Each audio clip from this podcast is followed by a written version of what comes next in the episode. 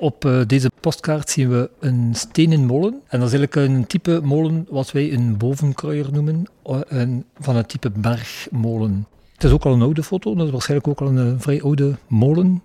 En hij staat eigenlijk klaar om te malen, want de zeilen zijn voor een deel opgelegd. Dit is de beschrijving van een postkaart uit de collectie Goedzeels, geschonken door Vic Goedzeels aan het Centrum Agrarische Geschiedenis. We nemen jullie mee doorheen het agrarisch Vlaanderen van de 20e eeuw en werpen samen een blik op vier landschappen die zijn afgebeeld op de postkaarten van deze collectie. Wij zijn Eline, Marten, Kubra en Mirte, studenten culturele studies aan de KU Leuven. En dit is Groetjes uit Agrarisch Vlaanderen. In deze aflevering spraken we met Stefan Verkest, molenaar in enkele West-Vlaamse molens. Tijdens het interview spraken we onder andere over de reden waarom hij molenaar geworden is, verschillende soorten molens en hun functies vroeger en vandaag. De molen die afgebeeld wordt op de postkaart is van het type bergmolen. En waarom een bergmolen? Je ziet onderaan op de foto dat de mensen daar op een berg staan. Het is een kunstmatige, maar goed. En vanop die berg kunnen wij aan de wieken om de zeilen gaan opleggen en uh, afnemen. Dus eigenlijk een stenen molen, meer bepaald uh, bovenkruier en dan nog het type bergmolen.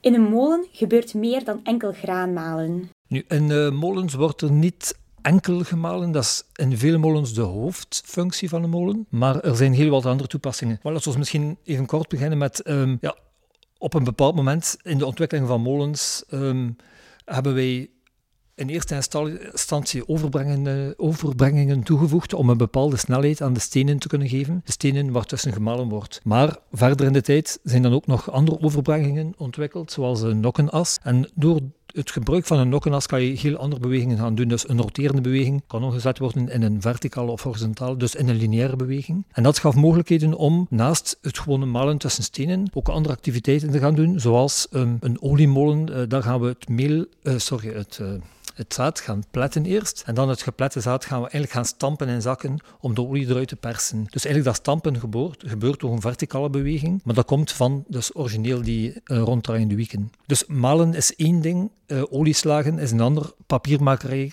uh, papier werd ook gemaakt in molens, meestal in watermolens, soms ook in windmolens. Er bestaan windmolens, maar meestal ook weer maalmolens die als zaagmolens gebruikt worden om bomen te zagen, stenen te zagen, om het even. En je kan nog een heel eentje verder gaan, want er bestaan ook vlaszwengelmolen bijvoorbeeld, om het vlas te zwengelen. Er staat er zo nog eentje in, uh, vlakbij Kortrijk in Heulen. Daarnaast hebben we ook nog mosterdmolen, buskruidmolen molen en zo verder, verfmolen, uh, noem het maar. Maar door het feit dat we eigenlijk een beweging die een ronddraaiende beweging uh, was, konden omzetten in een lineaire beweging, werd er opeens heel veel mogelijk. Molens liggen vandaag de dag nog altijd niet stil. Wij hebben nog steeds dezelfde functies van vroeger als vroeger. Misschien minder uitgebreid, want tegenwoordig zullen de meeste molens gebruikt worden om ofwel te malen of te pletten. Ik ga daar misschien straks op terugkomen.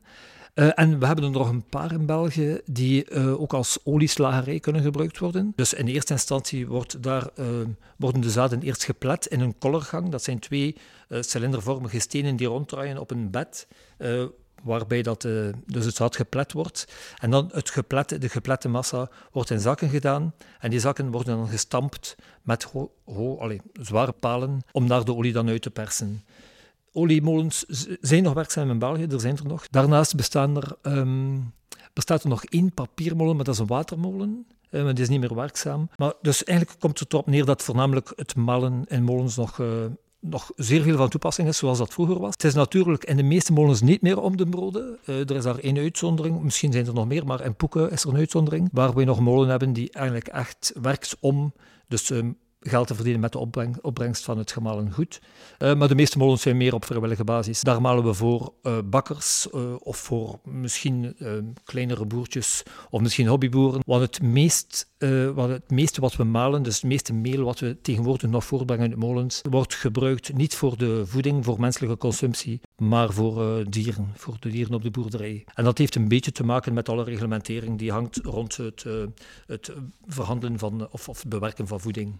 Uh, zoals ja, een van de voorwaarden is bijvoorbeeld dat je moet lopend water hebben in je molen. Als je wil malen voor menselijke consumptie, ja, in een houten molen lopen water is niet zo evident. Um, maar dus eigenlijk, vroeger was het echt om de broden en elk moment dat er wind was, werd er gemalen. Soms was dat echt ook s'nachts, als, uh, als er enkele dagen of weken aan een stuk weinig wind was en dan plots s'nachts kwam de wind op. Dan stond de molenaar op om de ganse nacht door te draaien, want uiteindelijk was dat zijn inkomen. Um, molenaar, een, ja, eigenlijk nog een functie van de molen, maar misschien volledig terzijde. Maar is dat hij zo'n beetje de krant van de, van de gemeente was. Hè? Uh, alle boeren of alle mensen kwamen met hun zakje meel, of graan tenminste, wat de, uh, de molenaar dan maalde. En um, ja, uiteraard, terwijl die mensen stonden te wachten, werd er een praatje gemaakt en werden alle roddels van het dorp verteld en alle nieuwtjes verteld. En de molenaar kon daar soms op inspelen met uh, de molenstand van zijn wieken, of de stand van zijn wieken tenminste. Zoals uh, bij geboorte. De molen zal niet met de wieken perfect verticaal of horizontaal staan, een klein beetje voor. Dan weten wij, er is een geboorte in het dorp.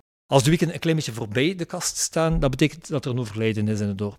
Dus uh, op die manier konden ook boodschappen doorgegeven worden. Dat is eigenlijk een zijfunctie van de molen, maar oké, komt erbij. En eigenlijk is dat ook een reden dat in de oorlog een aantal molens verwoest werden door de Duitsers, omdat zij dachten dat er um, boodschappen doorgegeven werden aan de hand van weekendstanden en zo. Wat misschien nog wel uh, mogelijk was, uh, ook al het feit dat je molen altijd op een hoge plaats staat en dat je van één molen meestal meerdere molens ziet, was het inderdaad wel een mogelijkheid. Maar dus dat zijn allemaal nog functies die nog bestaan. Het is nu nog natuurlijk meer een hobby uh, en meer cultureel erfgoed dan nog uh, om de broden.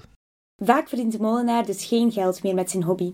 Maar toch blijven er overal in het land molenaars actief. Wat spreekt hen dan zo aan? Na een opleiding van uh, twee jaar, ja, je, allee, als je niet afgehaakt bent tenminste, dan heb je de microben normaal gezien toch al een beetje te pakken. En ondertussen zijn we weer alles wat verder. En ehm, ja, de passie voor die molen blijft. Nu, waarom? eigenlijk is dat nog een toestel wat volledig op uh, natuurkrachten draait. Dus komt er eigenlijk niks van elektriciteit bij te pas. In stelenmolens zou je de dag van vandaag wel elektriciteit vinden of aantreffen. Alleen minimum wat verlichting, wat topcontacten of zoiets. Maar dan in andere windmolens, zeker in houten windmolens, heb je dat helemaal niet. Dus wat spreekt me eigenlijk vooral af, uh, aan op, op uh, gebied van molens, is dat alles gebeurt op pure windkracht. De molen die afgebeeld staat op de postkaart is de Allekerkmolen in en is eigendom van Christiane Roels. Daarom wordt de molen soms ook de Roelsmolen genoemd. Deze molen is sinds 1929 niet meer in gebruik, maar heeft wel een rijke geschiedenis. Waar de ruïnes van de Allekerkenmolen vandaag staan, werd in 1633 voor het eerst een molen geplaatst.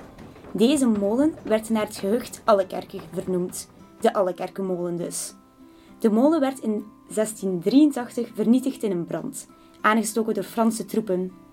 Enkele jaren later, in 1700, werd een nieuwe molen overgebracht naar de plaats. De molen was, net als de vorige, een houten staakmolen.